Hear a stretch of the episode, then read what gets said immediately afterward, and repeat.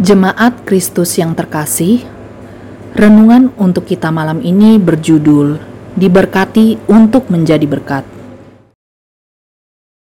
Dan bacaan kita diambil dari kitab Mazmur 118 ayat 26 sampai 29. Beginilah firman Tuhan. Diberkatilah dia yang datang dalam nama Tuhan kami memberkati kamu dari dalam rumah Tuhan. Tuhanlah Allah, Dia menerangi kita. Ikatkanlah korban hari raya itu dengan tali pada tanduk-tanduk mesbah. Allahku engkau, aku hendak bersyukur kepadamu. Allahku, aku hendak meninggikan engkau. Bersyukurlah kepada Tuhan, sebab ia baik, bahwasanya untuk selama-lamanya kasih setianya. Mazmur ini menjadi pengingat akan kedatangan Kristus dan juga karya keselamatannya bagi dunia. Kristus yang datang ke dunia mendapat tempat khusus sebagai Allah yang menyelamatkan manusia. Ada nama besar di dalamnya.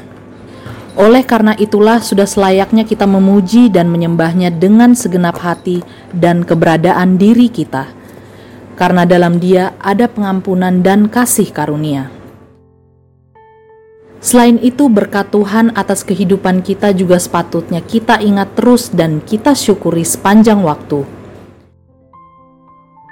Mari kita menghitungnya, dan bisa dipastikan kita tak akan mampu mendapatkan jumlah yang pasti karena begitu banyaknya berkat yang Ia beri kepada kita. Lalu bagaimana cara kita seharusnya hidup selain terus memuji dan menyembahnya? Apakah hal itu cukup? Ada hal lain yang harus kita perhatikan, yaitu apakah hidup kita juga memancarkan berkat Tuhan kepada sesama? Ini menjadi hal penting untuk kita perhatikan karena ada banyak orang di luar sana yang belum mengenal Tuhan ada banyak orang di luar sana yang justru menolak dan membenci kabar sukacita dan keselamatan dari Allah. Memang akan menjadi hal sulit saat mengabarkan kabar sukacita kepada orang yang hidupnya masih terkekang oleh hal duniawi dan yang menolak Kristus. Namun, tetaplah ingat bahwa kasih setia Tuhan akan ada untuk selamanya.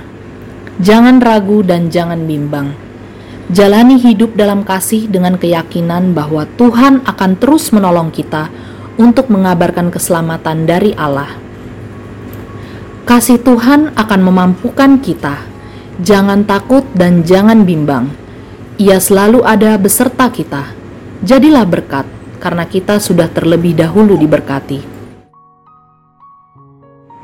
Demikianlah renungan malam ini.